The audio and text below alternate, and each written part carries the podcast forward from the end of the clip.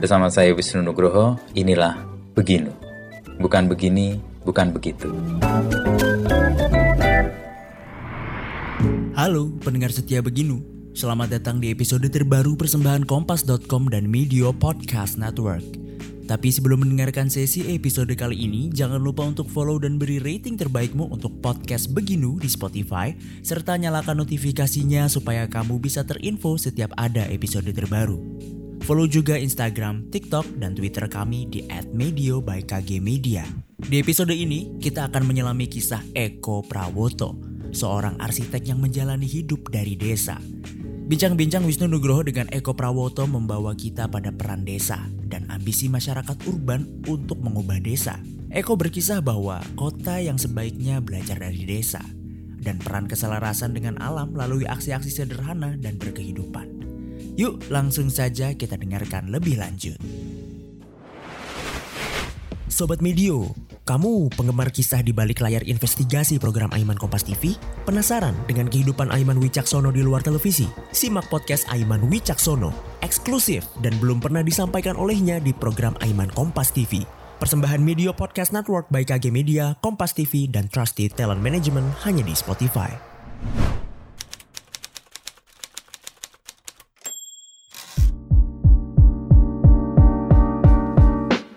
Pak Eko bisa kemudian memilih untuk stay di sini atau di sekitar ini apa yang membuat Pak Eko?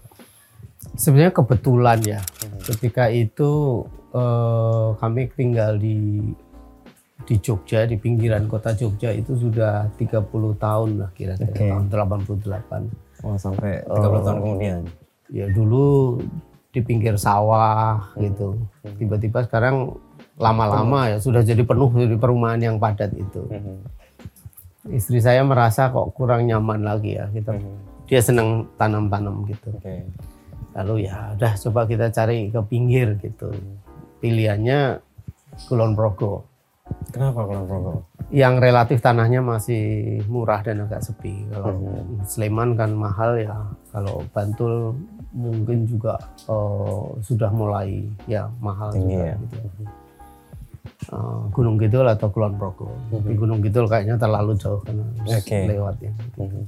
Nah pilihannya Kulon Progo. Kita sebenarnya cari-cari di sekitar Sentolo pada waktu itu mm -hmm. ada teman yang ke sana. Di sana juga kita mengunjungi begitu. Tapi lalu ada dengar oh ada rencana airport dan seterusnya gitu. Hmm. Jadi kayaknya enggak nanti nanti jadi kasus yang ya cepat padat lagi kamu yeah, yeah. gitu ya sudah pindah ke sini kebetulan dapat uh, tanah di desa Kedondong mm-hmm. dekat dengan mm-hmm. sini. Itu tujuh tahun yang lalu. Mm-hmm. Ya tanahnya agak di pinggiran desa menghadap uh, tanah kas desa seperti mm-hmm. itu. Ya kita mulai pelan-pelan meng- mengembangkan yang di situ dengan mindah uh, struktur-struktur lama, bangunan mm-hmm. lama gitu.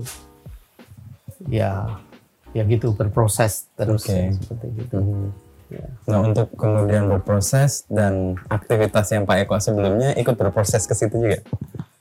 Belum sebetulnya. Belum. Pada awal-awal ya masih mondar mandir mhm. kuliah pada waktu itu masih harus datang, datang. di kelas gitu jadi 40 menit ke Jogja dan balik lagi ke sini gitu um, untung ada uh, pandemi oh, untung ya buat keuntungan ya keuntungan dalam arti tidak harus pergi-pergi okay. dan desa lebih memberikan rasa aman ya seperti itu. Ah, ya. Terbukti juga sih sebenarnya. Ya.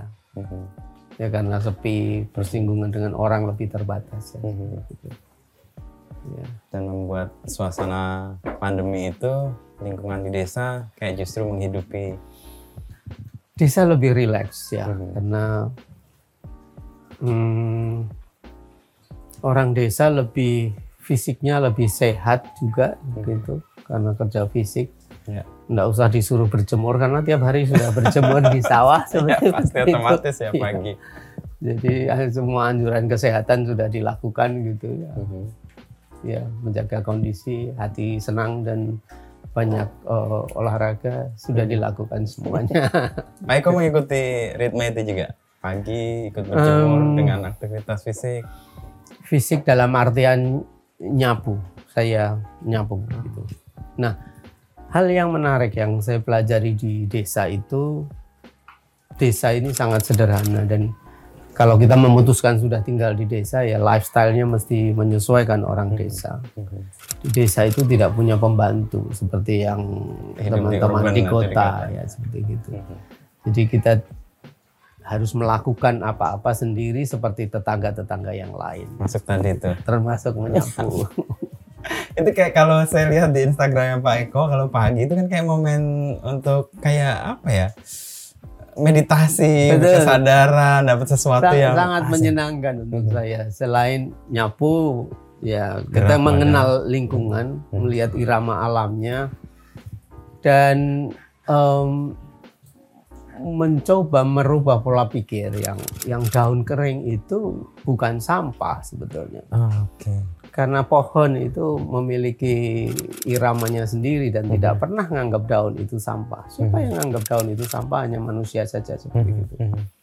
Ya, saya mencoba dengan itu sambil belajar mengakrapi itu mencoba membuat sesuatu dengan daun-daun yang daun itu. dianggap sampah itu. nah sehingga sedikit menggeser pemaknaan daun itu bukan sampah tapi art materials gitu Ya, ya, ya. jadi kita bisa jadi karya, jadi sesuatu gitu, yang walaupun kita- sementara Mhm. tapi itu juga menjadi apa ya self rewarding activities untuk saya begitu sambil Oke. nyapu kita bisa gitu relax sendiri di foto dan ya menyenangkan untuk saya Mhm. sangat sangat refreshing Dan itu nggak akan Pak Eko temukan kalau nggak ke desa itu sebenarnya.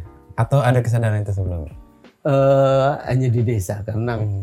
itu juga berubah iramanya kan berganti Mhm. kadang-kadang pohon ini mahoni yang banyak yang gugur hanya periode tertentu tapi eh, kemudian ada nemu pohon ini eh, daunnya ini dan dan seterusnya itu ya semacam mengakrapi menyapa alam di sekitarnya Mhm. tapi juga kebutuhan dengan menyapu itu lalu kita melihat kalau ada pertumbuhan rayap di rumah ini jadi Oh, tahu begitu Oke, iya, iya. karena kalau lama nggak nyapu tiba-tiba rayapnya sudah Naik, naik, ya. begitu gitu jadi menyapu sekaligus menginspeksi titik-titik yang kemarin dilihat atas titik-titik yang rawan rayap itu Tadi Pak Eko menyebutkan tinggal di desa dengan lifestyle yang seperti orang desa dan itu kemudian menemukan iramanya gitu Iya. ya. Susah nggak Eko untuk switch ke situ ya? Karena kan kayak generasi saya nih punya mimpi-mimpi urbannya kan pulang ke desa Iya. hidup dengan eh, bayangan itu mungkin ya karena niatan awalnya memang untuk belajar sebetulnya Belajar. jadi pindah ke desa untuk eh, untuk belajar dekat Mhm. lebih dekat dengan alam karena saya ya berapa tahun ini kan selalu bicara tentang lokalitas tapi tinggal di kota jadi oh, Tidak. otoritasnya kurang ya. iya tidak selalu berjarak begitu Mhm. nah dengan tinggal langsung di desa di antara alam kedekatan dengan itu itu ada proses proses belajar saya kira Hmm. dan em,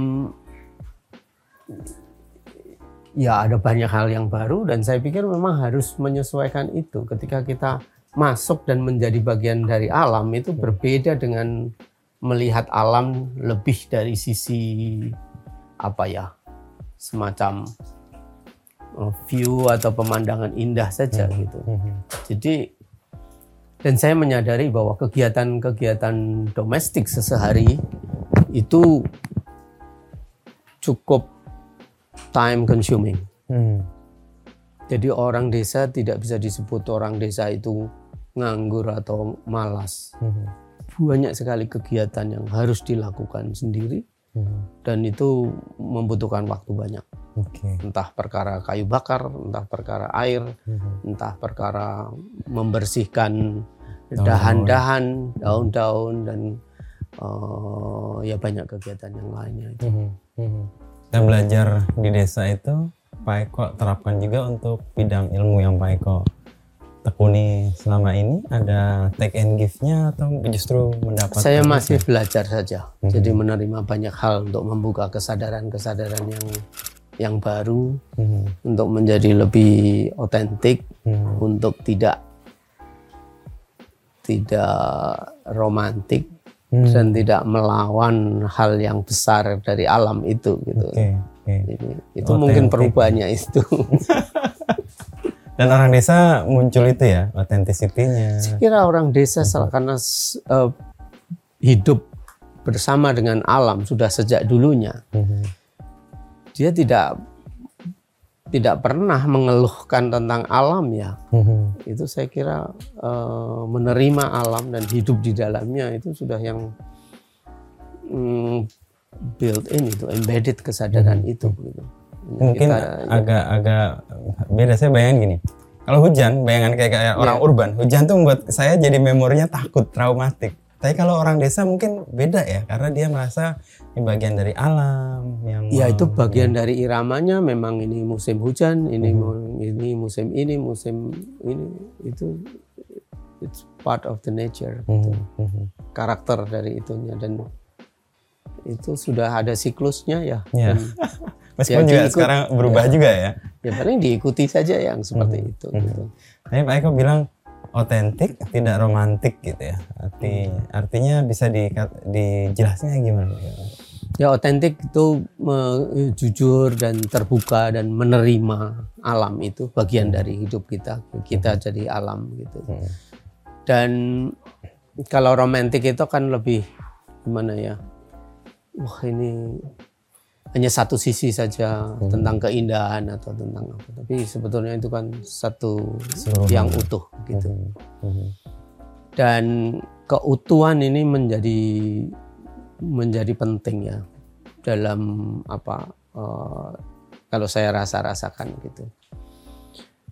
Kita yang membangun kehidupan modern yang artificial itu banyak hal yang belum selesai. Mhm. Jadi lingkarannya itu tidak tidak tertutup gitu. Masih ada Bolong-bolong. dan itu meninggalkan eh, hubungan-hubungan yang belum selesai seperti misalnya sampah dan Hmm, itu, limbah dan itu. Tapi alam itu sendiri sempurna ya. Mhm. Kalau itu tidak diganggu, tidak diintervensi, itu saya kira merupakan satu lingkaran yang yang ya. tertutup, yang utuh, yang benar ya. bolong-bolong Saya tadi. kira Mhm. Hmm, kita perlu meniru itu kembali ke alam itu juga sebetulnya mengapresiasi hukum-hukum alamnya dan kita yang menyesuaikan Mhm. tidak kemudian memaksa alam atau mencoba menindas alam Hmm. Dalam situasi kayak tadi, tadi Pak Eko kasih contoh misalnya tiba-tiba listrik padam. Ini ketidakpastian kan banyak ya di desa. Tapi memanage itu ya relax saja ya karena itu tidak kita akhirnya tahu bahwa kita tidak bisa mengontrol semuanya seperti itu. Hmm, dan ada banyak hal yang di di Luar luar kendali kita gitu. Hmm, Jadi bahwa kita merasa dengan teknologi yang kita miliki kita bisa mereka yang mengatasi mereka. kayaknya tidak sepenuhnya benar yang seperti itu. Itu tercermin juga dengan karya-karya Pak Eko. Eh, sedikit banyak menjadi lebih conscious Hmm, jadi saya sering mengatakan bahwa arsitektur adalah sementara. Jadi kesementaraan itu menjadi penting dalam berarsitektur. Karena eh, dan relasi terhadap site terhadap tanah ya. Mhm. saya melihat tanah itu sesuatu yang sangat tua sekali. Hmm, seumur bumi ini. Ya, ya. dan akan selalu ada sementara arsitektur itu datang dan pergi. Hmm, dia hanya hinggap sebentar dan mungkin akan hilang. Hmm, ya sementara itu bisa tiga tahun bisa 10 tahun bisa 100 tahun bisa 1000 tahun tapi tidak akan pernah lebih, Lebih tua, tua dari dari, buminya. Itu. nah relasi atau pemahaman ini saya pikir menjadi lebih punya kesadaran bahwa kita berarsitektur atau sebagai arsitek sebaiknya harus tahu diri hmm, hmm, kita ini menaruh sesuatu di tempat yang sangat tua dan punya peran yang sangat luas dengan sekitarnya.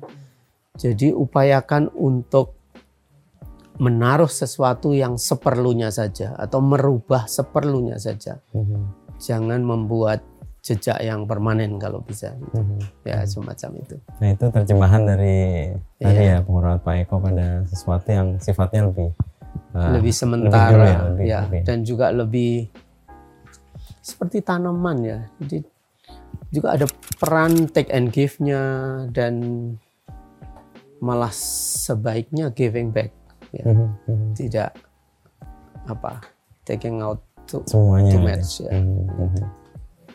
Karena sering orang lihat kan Pak Eko punya pendekatan ya kalau membangun ada tanaman yang sudah hadir di situ atau mungkin ada sesuatu yang sudah ada di situ itu dipertahankan itu bagian dari saya kira harus itu. begitu ya Mhm, karena kita datang belakangan dan kita tidak tidak tahu alasan semuanya kenapa pohon ini ada dan apakah pohon ini mempunyai Ikatan peran bawah. terhadap Mhm. se- sekitarnya yang lebih luas jadi sebaiknya tidak diganggu terlalu banyak ya, seperti itu. Kesadaran Pak Eko soal arsitektur yang sementara itu tumbuh ketika awal pendidikan itu atau belakangan atau ada pengaruh dari yang lain?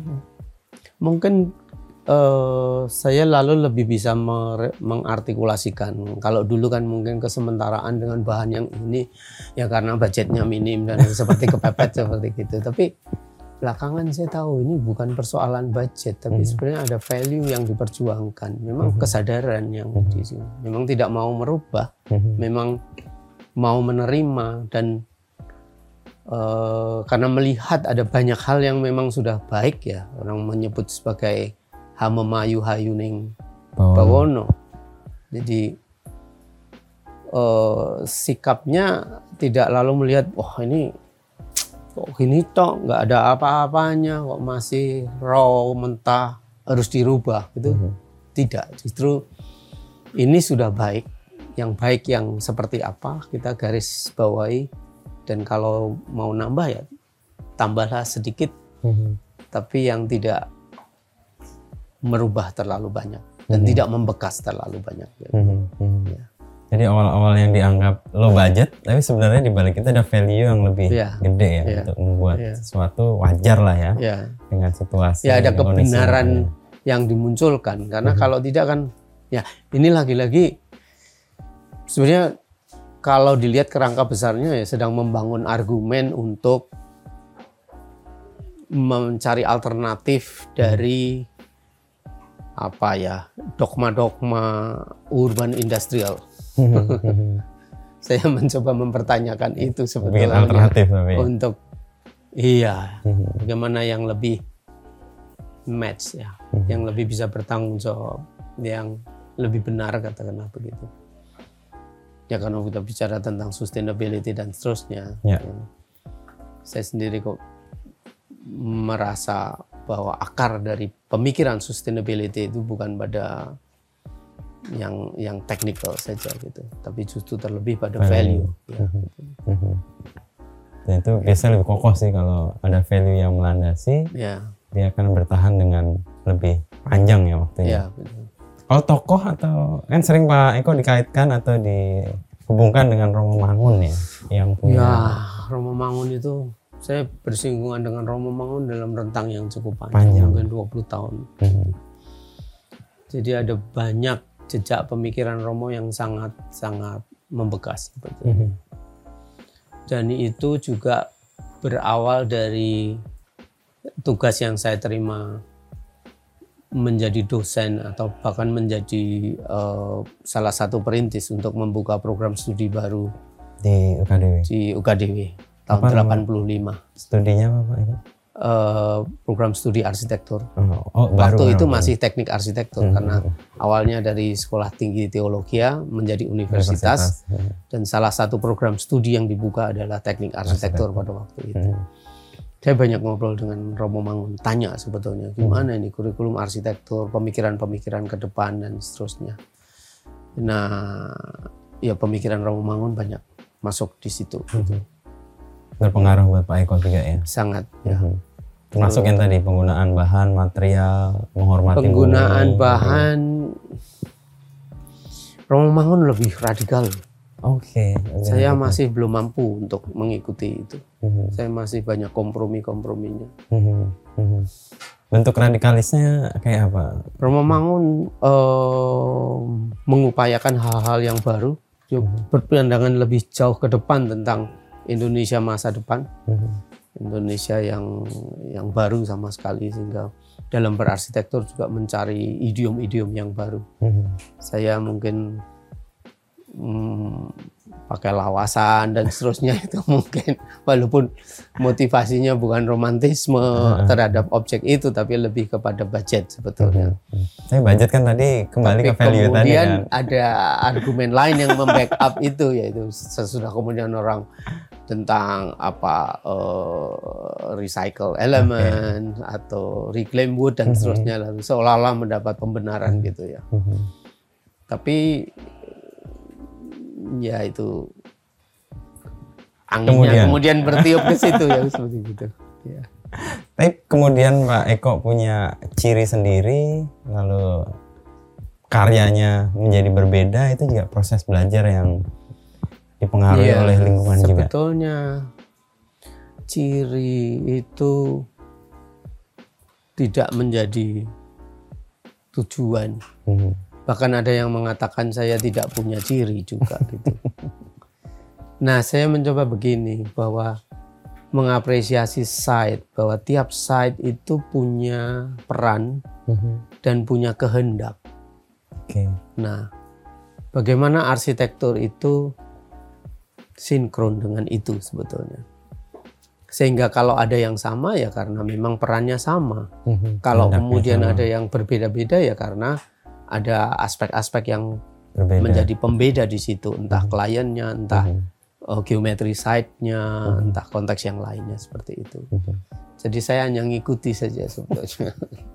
Selama tinggal di desa ini ada penemuan baru atau kecakapan baru yang Pak Eko dapat dengan relasi dan gaya hidup di desa ini untuk kepentingan arsitektural? Mungkin saya menjadi lebih konsius dalam eksperimen Mhm. yaitu mencari a possible architecture a rural architecture language gitu. Ah. Jadi mencari kemungkinan bagaimana berbahasa arsitektur Di, Di desa. Mhm. yang tidak mengikuti yang tadi istilahnya estetika urban industrial. Mhm. Menurut saya itu penting Mhm. karena persepsi orang sebetulnya melihat desa itu sebagai belum kota sehingga harus dikotakan. Seolah-olah ada pemahaman bahwa kesejahteraan itu hanya ada di kota dan kalau desa ingin sejahtera dia harus menjadi kota. Saya agak menyangsikan itu Mhm. karena desa menurut saya memiliki hal-hal yang sudah baik, jauh baik, lebih baik dari yang di kota Mhm. dan tidak perlu menjadi kota atau Mhm. dipaksa menjadi kota. Sehingga untuk mencari ungkapan yang modern secara arsitektural mesti juga dicari apa yang khas desa. Mhm. Mhm. Jadi saya sering guyon mengatakan bentuk-bentuk ini adalah untuk merayakan kendesoan begitu. Mhm. Tapi itu ada nilai-nilai yang baru tentang itu ya. kenyamanan dan dan apa eh, kedekatan dengan alam Hmm. dan ya kalau orang mengkaitkan sekarang dengan green architecture atau green design dan makanya menurut saya saya saya merasa in line dengan itu Mhm. bahkan lebih maju. Mhm. Karena hidup dan merayakan kendesoan itu ya. Iya dan juga begini, ketika eh, di kota dipersepsikan misalnya green architecture atau green design itu pada batas dirinya sendiri, Mhm. dia mengklaim ini Wilayahnya se tapi toh masih dalam tapaknya sendiri. Mhm. Nah, menurut saya the real green atau the Desa real itu. uh, sustainable architecture it should be part of the universe. Hmm, Jadi tidak tidak terkungkung di satu wilayah. tidak memisahkan diri Hmm. malah out of the grid sebelumnya ya gimana kalau semakin memisahkan kan semakin mengisolasi semakin tidak menyatu dengan Hmm. alamnya yang seperti itu Semakin nggak otentik sebenarnya. iya Dan desa itu melakukan itu dengan keluasannya itu ya.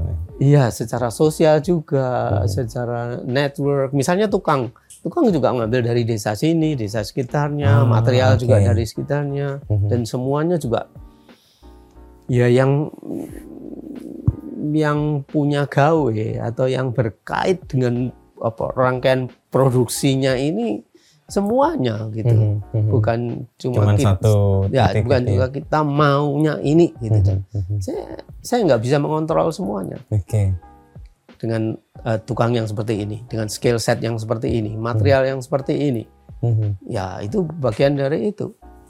Ketika ngobrol dengan tukangnya, oke, Gini. gini kan gitu. Tapi dia bilang, oh ngeten mawon lah gitu. Kayaknya begini lebih oke. Lebih oke. Ya sudah tuh gitu. Itu kan berarti ada keinginan untuk atau kesadaran dalam diri untuk menurunkan ego juga ya, Pak Eko ya. Kan kita punya bayangan, ya. lalu menghadapi realita yang berbeda. Ya kalau itu saya sudah ya agak agak lama saya merasa bahwa arsitektur hanya alat Mhm. dan dia harus menjadi apa resultante dari banyak aspek seperti gitu Mhm.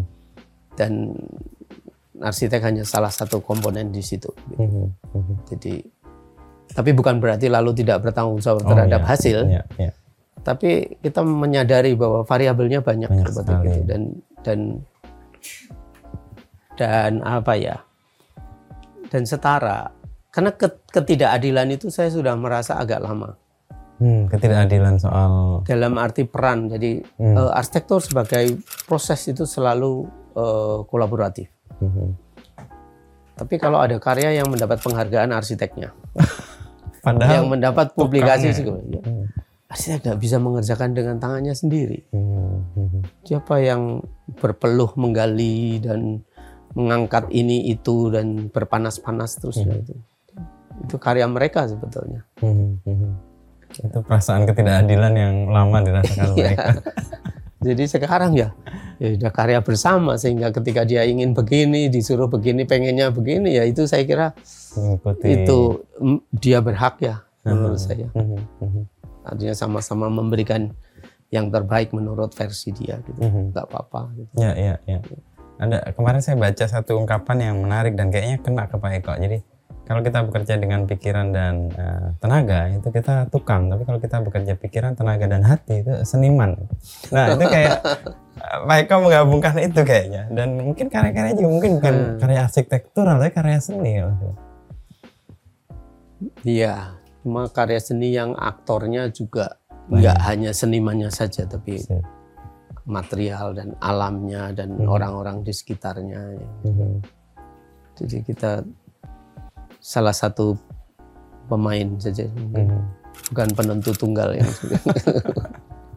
Itu yang tidak terjebak dalam perasaan paling berperan gitu ya dalam sebuah produk atau proses pembuatan sesuatu. ya pada akhirnya kesadaran itu begitu ya. Hmm. Jadi merasa tidak tidak mampu untuk tahu semuanya Mhm. dan tidak bisa juga mengontrol semuanya dan apa yang kita inginkan juga belum tentu yang terbaik Mhm. jadi lebih baik itu di dibuka dan kemudian dipecahkan diselesaikan secara bersama ya. Mhm. gitu. Mhm. Jadi ada ruang ketidakpastian yang luas ya. sangat Mhm. sangat ya Kalau menghadapi klien yang butuh kepastian-kepastian dengan apa ukuran-ukuran yang eh, apa lebih kalkulatif itu gimana Pak Eko? nah ini memang mungkin ini juga tidak tidak ada satu obat untuk semua jenis penyakit Mhm. Mungkin pendekatan ini juga tidak selalu cocok untuk semua jenis proyek. Mhm. Jadi, hmm, jadi gimana ya? Mungkin antara klien dan arsitek juga harus saling memilih Mhm. antara jenis proyek dan iya. pendekatan itu juga Mhm. harus match juga kan, seperti itu. Karena kalau nggak match, emang akan jadi persoalan terus menerus Iya, itu ya betul. di awal atau bahkan Iya. sepanjang perjalanan itu. Ya. Gagasan awalnya dan mekanisme kerjanya memang belum menjadi kesepakatan ya, yaitu Mhm. akan terus benturan-benturan terjadi ya. Ya, ya, itu. ya. Ya, juga kan tadi Pak Eko nyebut kesementaraan itu barang yang ditaruh di bumi yang lebih tua gitu ya. Nah, itu memang ada proses dia juga menjadi rapuh dan punya tapi juga beruntung atau bersyukur ketika klien mungkin juga bisa memahami itu dan menerima sehingga kita memang biasanya perlu ngobrol banyak ya untuk Hmm. menyamakan persepsi itu. Mhm. sehingga klop ya ada Iya. pemahaman yang Iya. setidaknya dijalanin bersama-sama. Iya. Terima kasih telah mendengarkan podcast Beginu. Nantikan obrolan Wisnu Nugroho bersama narasumber inspiratif lainnya. Oh iya, jangan lupa juga untuk follow dan nyalakan notifikasi podcast Beginu agar tidak ketinggalan episode selanjutnya ya. Saya Dava Wahyu dan segenap tim Media Podcast Network pamit undur diri.